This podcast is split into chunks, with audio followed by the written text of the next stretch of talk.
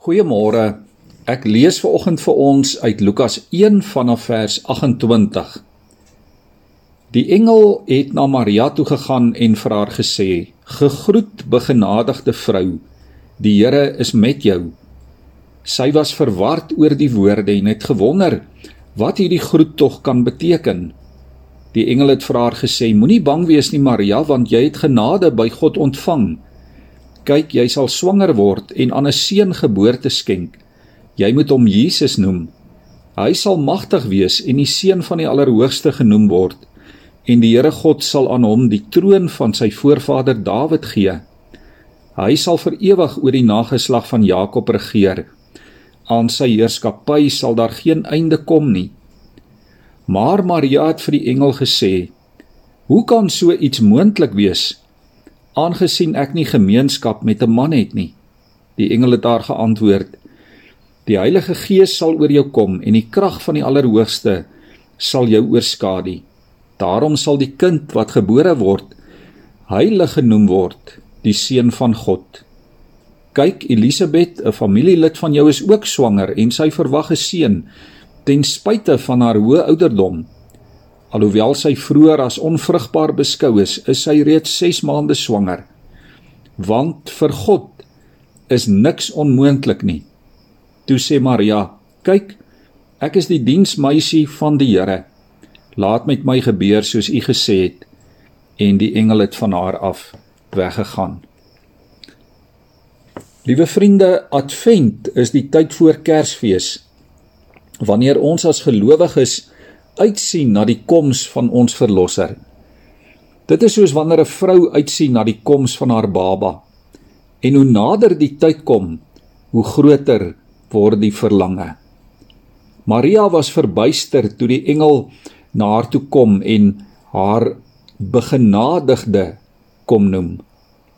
Sy was om die waarheid te sê geskok omdat vroue in daardie tyd ook glad nie belangrik geag is nie en boonop was hy eintlik maar nog 'n kind. Vir daardie jong, ongerekende vrou het 'n gewone dag skielik verander in 'n hemelse dag. Dit was meer as wat sy ooit sou droom.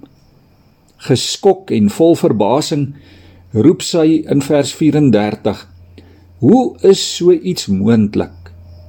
Haar woorde is in skrille kontras met die Engelse antwoord in vers 37 waar hy sê niks is vir God onmoontlik nie. Die Here wil hê ons moet dit ver oggend mooi duidelik hoor. Niks is vir hom onmoontlik nie. Dit is die boodskap van Christus se geboorte wat weer klink oor jou en my verleenthede, oor ons ontnigterings en verslaandheid Ja, niks is vir God te onwaarskynlik en niemand is vir hom onbruikbaar. En geen situasie is vir die Here onoorkomlik nie. God het Maria gekies en haar begenadig. Niks in haar kultuur of in haar tyd was in haar guns nie. Maar God was. Hy was vir haar en in haar die bron van lewe wat aan haar sin en vervulling gegee het. En so kies die Here ons as mense, ongeag en ten spyte van wie en wat ons is, omdat hy genadig is en omdat hy sy genade doel in hierdie wêreld wil bereik. Hoor Maria se laaste woorde in hierdie gedeelte waar sy sê ek is tot beskikking van die Here. Laat met my gebeur wat u gesê het ek is die diensmeisie van die Here. Maria se woorde verander van dit is onmoontlik na ek is tot die Here se beskikking. Liewe vriende, die Kersverhaal is 'n verhaal oor genade, oor roeping en oorgawe en gewillig wees om deur God gebruik te word.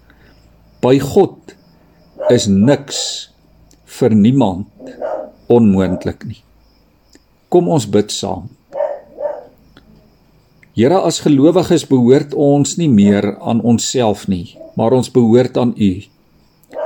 Ons is U disippels, U begenadigdes. En ons identiteit is om aan U gehoorsaam te wees. Dankie vir die nederige Maria se voorbeeld. Here laat ons hierdie Kerstyd besef dat niks by U onmoontlik is nie.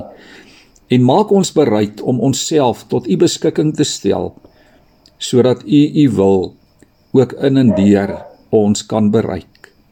Amen.